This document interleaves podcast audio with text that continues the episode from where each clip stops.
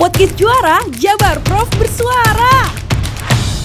Assalamualaikum warahmatullahi wabarakatuh. Salam sejahtera bagi kita semua. Sampurasun. Kembali lagi bersama saya Yudi Revan tentunya di podcast Juara Jabar Pro bersuara. Nah, wargi Jabar, ada kabar terbaru nih dari Dishub Jabar ya. Dishub Jabar katanya nantangin nih wargi Jabar buat diet. Nah, berani atau enggak nih? Langsung aja kita bakalan ngobrol-ngobrol seru barengan uh, Kepala Dinas Perhubungan Provinsi Jawa Barat, Bapak Insinyur A. Koswara MP. Pak Kadis, apa kabar Pak Kadis? Baik, Alhamdulillah. Salam sehat, salam sukses ya Pak ya. Tetap semangat ya. Pak. Siap. Oke, ini katanya kita wargi Jabar nih Pak, uh, ditantangin buat diet. Ini diet apa Pak? Diet keto atau diet apa nih Pak?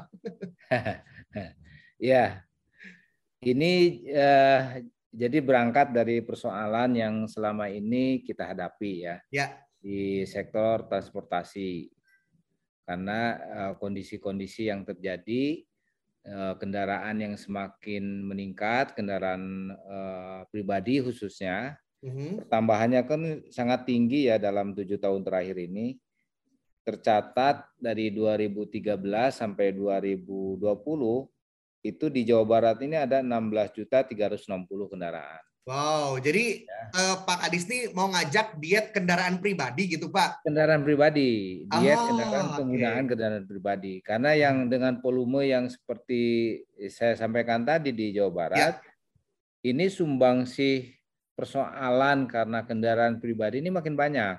Hmm. Ya. Selain masalah transportasi yang macet, ya. yang selama ini kita uh, alami gitu ya, di Bandung aja sudah seperti itu macetnya sekarang. Uh, Hari -hari capek kerja, apa ya, ya macet terus ya Pak? di di tempat lain juga sama di kota-kota besar di Bodebek misalnya oh itu luar biasa macetnya kendaraan pribadi yang mendominasi penggunaan jalan itu sangat luar biasa nah selain kemacetan jumlah kendaraan pribadi yang begitu banyak ini hmm. juga mengakibatkan hal lain yang selama ini mungkin kurang kita sadari yang paling eh, terasa ya itu kualitas udara. Oh, ya, ya, ya, ya. Jadi kontribusi pencemaran udara karena kendaraan umum itu besar, 60 sampai 70 persen. Waduh. Ya, itu akibat gas buang kendaraan. Mhm. Sementara yang dari pabrik itu cuma sedikit sebenarnya, 10 sampai 15 persen dari pabrik industri itu. Jadi kendaraan pribadi ini kalau kita teliti dan kita uh, dalami, ya, ini persoalannya makin kritis, gitu ya. Kalau tidak ada langkah-langkah yang sistematis uh-huh. merubah orientasi pembangunan, mindset masyarakat terhadap penggunaan kendaraan pribadi ini. Nah, program diet ini eh, didasari oleh pertimbangan itu. Mhm, mhm. Jadi kita mengajak masyarakat memahami persoalan kendaraan pribadi yang semakin meluas. Ya.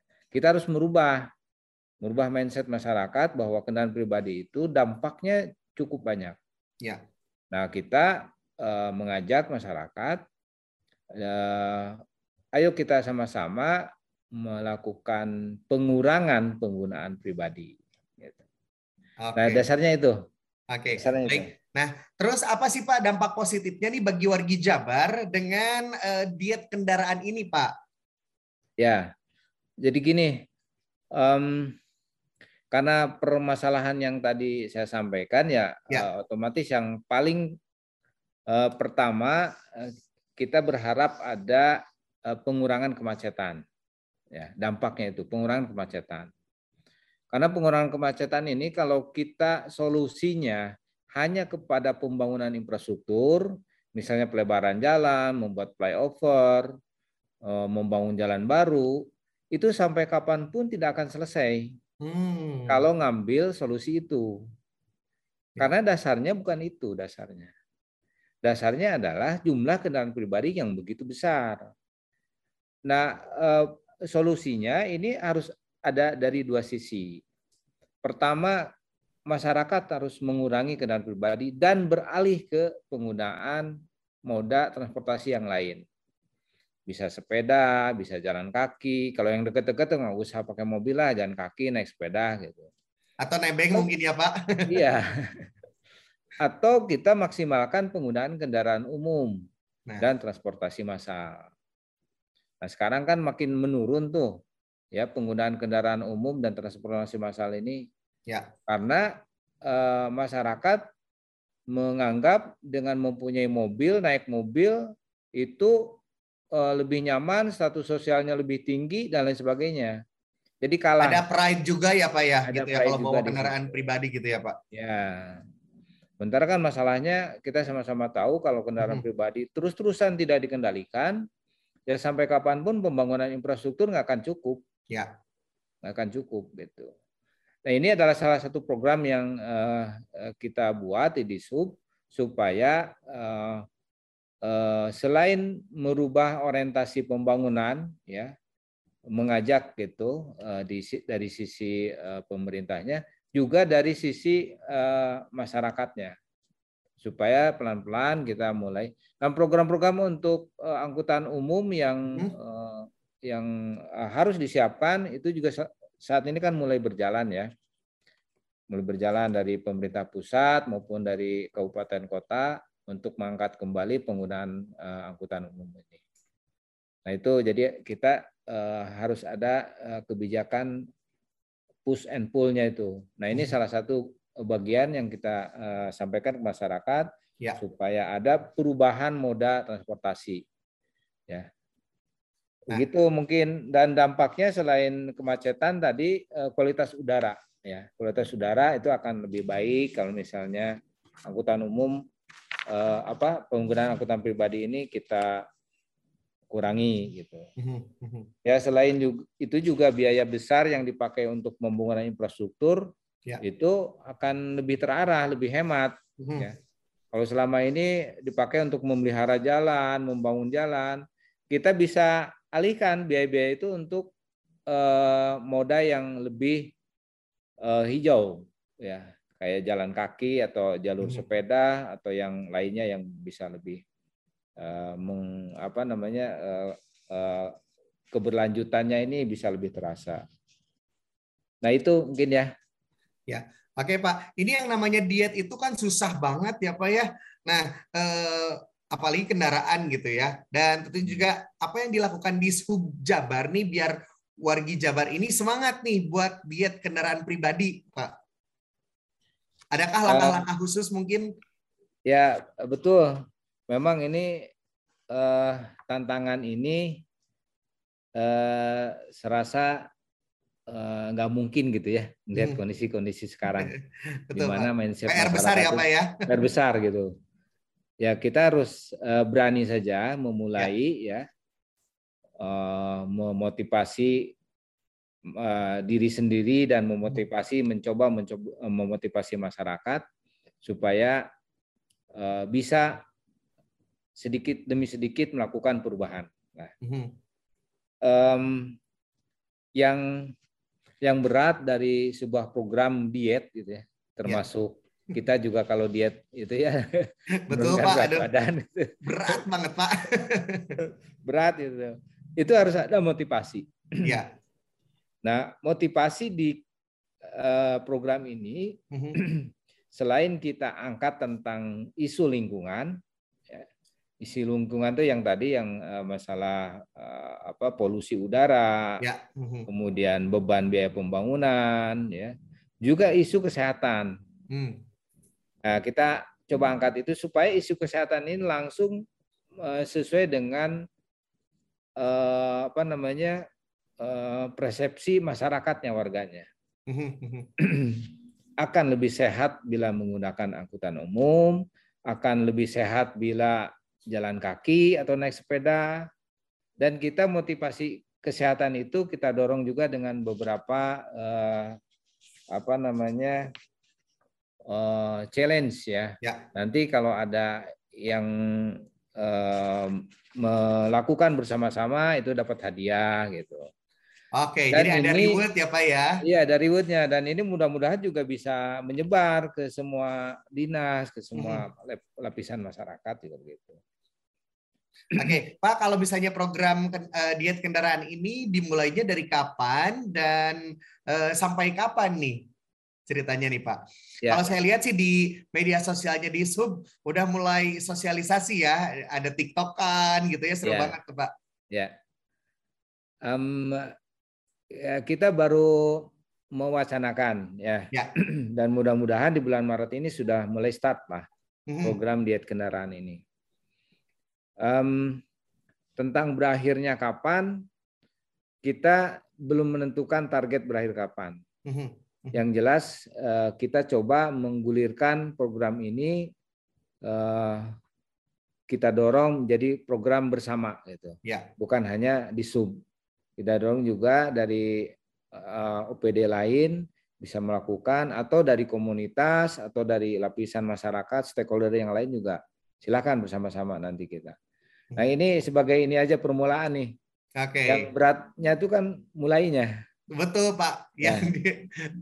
memulai itu berat ya Pak Mulainya, ya. ya. Nah, mudah-mudahan kalau kita konsisten terus menerus, ya ini akan uh, bisa berjalan uh, lebih panjang dan bisa menjangkau lebih luas lagi gitu.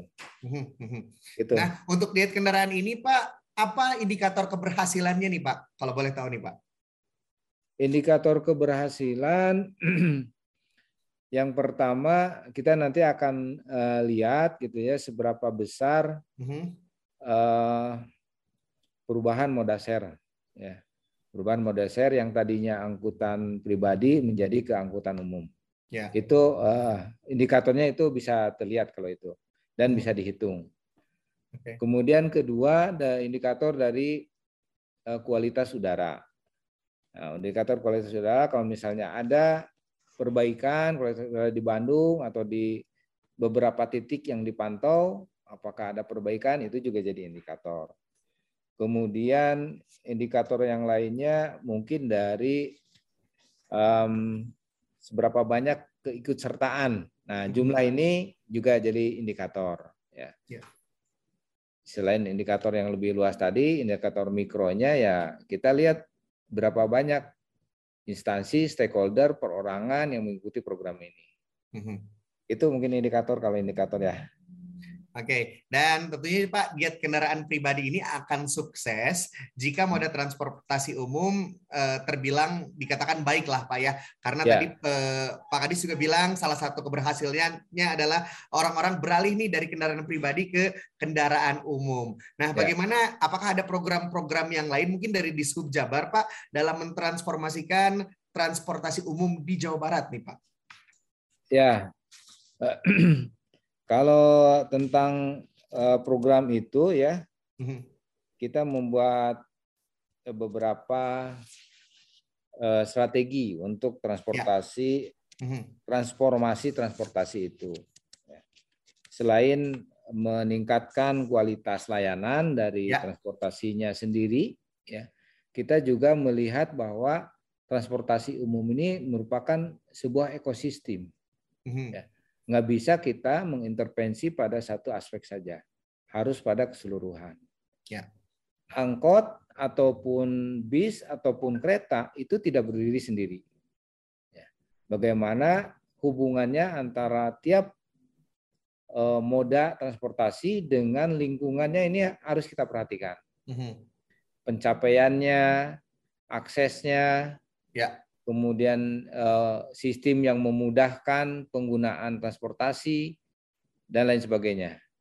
Nah, ini nanti kita akan kemas dalam sebuah program yang uh, integrated uh-huh. dalam mewujudkan yang kita sebut dengan seamless mobility. Hmm, okay. Jadi mobilitas tanpa batas. Ya. Kalau sekarang mungkin ya orang mau naik kereta harus nunggu lama ke stasiunnya juga eh, parkirnya bagaimana ya. Naik eh, bis ke terminalnya panas-panas nah nunggu bisnya yang nggak jelas dan sebagainya. Itu Terus adalah ngetem satu, ya pak ya? Eh, ngetem kayak gitu. Itu adalah sebuah ekosistem transportasi umum yang hmm. merupakan PR kita bersama dan ini eh, apa namanya complicated ya. Ya. Banyak pihak yang harus terlibat dalam transformasi angkutan umum ini. Ini tantangan tersendiri okay. ya dan memang kita harus mulai merubah berbagai hal ya. peningkatan layanan umum itu tidak bisa berdiri sendiri ya. harus bersama-sama okay. dari masyarakatnya harus berubah dari pelayanannya itu sendiri juga harus berubah dan diperbaiki. Oke, jadi ada sinergi ya Pak ya kalau ada masyarakat sinergi. pengen merubah eh, apa kebiasaannya menjadi eh, menggunakan transportasi eh, transportasi umum, ya. terus eh, transportasi umumnya juga harus di lebih baikkan lagi kualitasnya ya, gitu ya Pak. Betul. Nah, betul. Oke. Okay. Nah, untuk sasaran pelaksanaannya nih Pak, kira-kira siapa aja sih Pak diet kendaraan ini? Kalau sasaran ya, hmm. semua warga yang biasa naik kendaraan pribadi ya. itu jadi sasaran sebenarnya. Oke. Okay. ya. Apalagi yang sering naik motor misalnya, itu juga uh, menjadi sasaran utama kita. Hmm. Karena motor itu uh, lebih banyak mengalihkan pergerakan orang yang asalnya menggunakan kendaraan umum hmm. menjadi kendaraan motor. Ah. Nah, sasaran pertama itu jadi kendaraan bermotor. Ya. Baik oleh mahasiswa, oleh pekerja, karyawan dan lain sebagainya. Hmm. Yang kedua tentu ke mobil ya, para pengguna mobil pribadi. Ini juga jadi sasaran. Sehingga nanti sosialisasi kita akan terhadap kelompok-kelompok itu. Hmm. Mana yang paling cepat eh, berubah ininya diet kendaraannya eh, kita lihat nanti dalam progresnya ya, mm-hmm.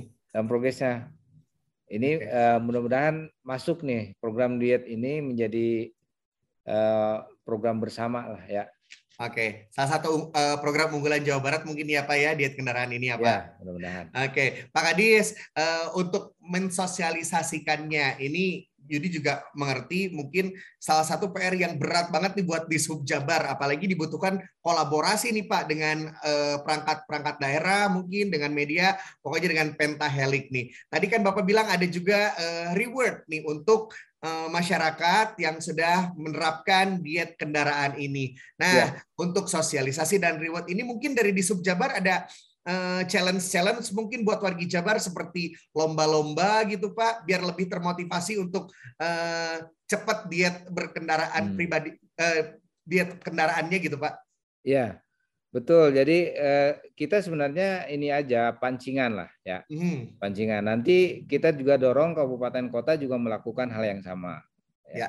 Karena jangkauan dari di sub Jabar itu juga terbatas ya. Mhm. Kalau nggak dibantu oleh kabupaten kota juga sama susah. Nah ini eh, program ini kita awali dengan sosialisasi dan juga tadi ada reward reward, ada perlombaan, ada challenge yang kita lakukan. Mhm. Nanti kalau modelnya sudah kita peroleh dan eh, antusiasme masyarakat mulai terbangun, kita dorong ini menjadi programnya kabupaten kota juga. Gitu. Dan kalau OPD lain Eh, bisa bergabung berkolaborasi ini alhamdulillah sekali ya. Mhm. Misalnya nanti dari uh, dari uh, lingkungan hidup misalnya gitu ya. ya. Lingkungan hidup juga nanti memberikan kontribusi karena ujungnya nanti terhadap apa namanya polusi kualitas udara, udara tadi ya? kualitas udara tadi juga hmm. berpengaruh. Yang lainnya misalnya dari Bapenda atau dari hmm. yang lain juga kita akan eh, sangat berharap sekali bisa jadi kolaborator kita. Nah, eh, strategi kita untuk mengembangkan ini menjadi sebuah program yang luas, yang ya. masif. Ya. Selain sosialisasi yang pertama yang eh, sekarang kita lakukan, kita juga akan mendorong program ini jadi program bersama kewilayahan yang eh, sekarang di Subjabar membuat program kewilayah program bersama kewilayahan ini bersama 27 kabupaten kota. Nah, di sub dari 27 kabupaten kota yang ada. Kita sudah membuat clustering ya program kerja bersama ini. Nah, mhm. salah satunya uh, diet ini menjadi uh, jadi quick win. Mhm. Quick win yang akan kita dorong menjadi uh, program bersama yang akan dilombakan seluruh Jawa Barat gitu lah kira-kira.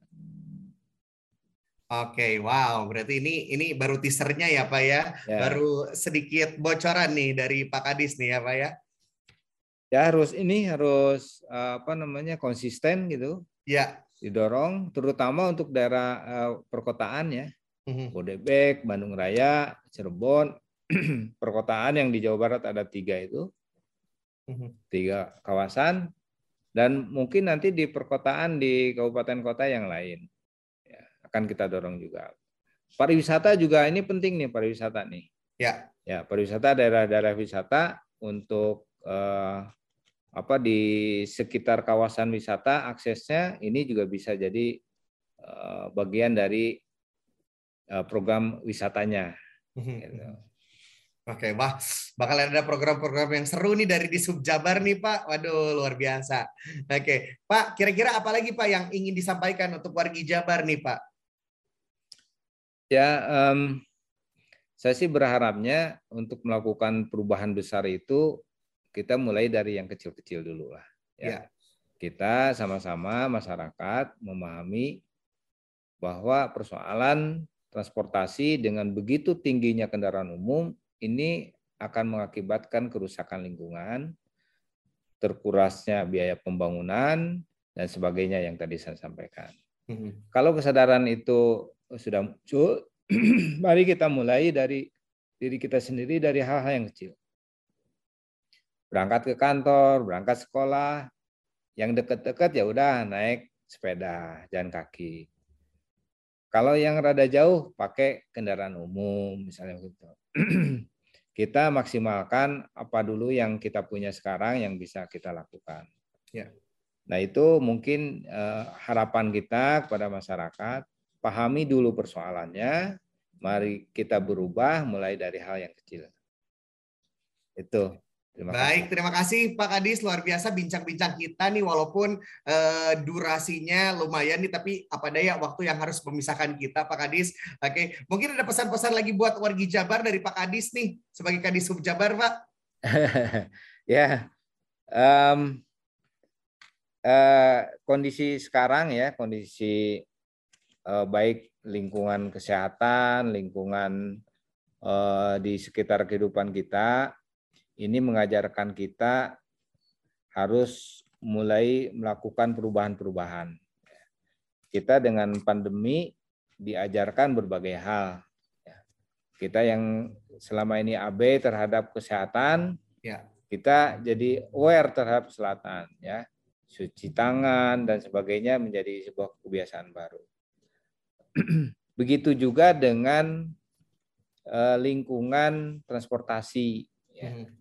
Lingkungan transportasi ini mengajar kita dengan uh, ke apa kemajuan dan penggunaan kendaraan yang begitu banyak. Ini juga mengajarkan kepada kita ini kerusakannya makin tinggi, kerusakan lingkungan itu. Jadi uh, kita harus sama-sama bersama ya. masyarakat ya kalau kita tidak melakukan perubahan sekarang, masa depan kita yang bisa menjamin itu sekarang. Gitu. Ke depan itu apa pun kondisi ke depan itu tergantung langkah dan tindakan kita sekarang. Kalau langkah dan tindakan kita sekarang kita lakukan untuk bisa menyelamatkan masa depan, kenapa tidak ini menjadi sebuah pilihan yang harus kita lakukan bersama. Semoga masyarakat bisa memahami itu. Ya. Jangan eh, terbelenggu oleh kenyamanan memakai kendaraan pribadi. Harapan saya itu mungkin ke masyarakat. Baik, ya. terima kasih Pak Kadis luar biasa sekali nih bincang-bincang kita. Semoga kita bisa ketemu secara fisikal ya Pak. Biasanya kita terakhir kita podcast di ya. Subang ya. Pak. Mungkin besok-besok kita bakalan podcast lagi di kota kabupaten yang lain ya Pak ya. Ya. Terima kasih. Ya. Baik, atur nuhun. Ya. Pak. Ah, nuhun, Pak. Kami kami atur nuhun, Bang. Baik, warga Jabar. Itu dia bincang-bincang kita. Tentunya di podcast Juara Jabar Pro bersuara bersama dengan Kadisub Provinsi Jawa Barat Bapak Koswara. Itu dia, warga Jabar jangan lupa ya, kita harus berdiet, tidak hanya diet badan tapi juga diet kendaraan pribadi. Nah, oke, okay. ini dia yang jadi program unggulan dan tentunya kita sukseskan bersama demi Jawa Barat juara lahir dan batin. Saya Direpan pamit, sampai jumpa lagi di podcast juara selanjutnya. Wassalamualaikum warahmatullahi wabarakatuh. Cag Rampes. Podcast juara Jabar Prof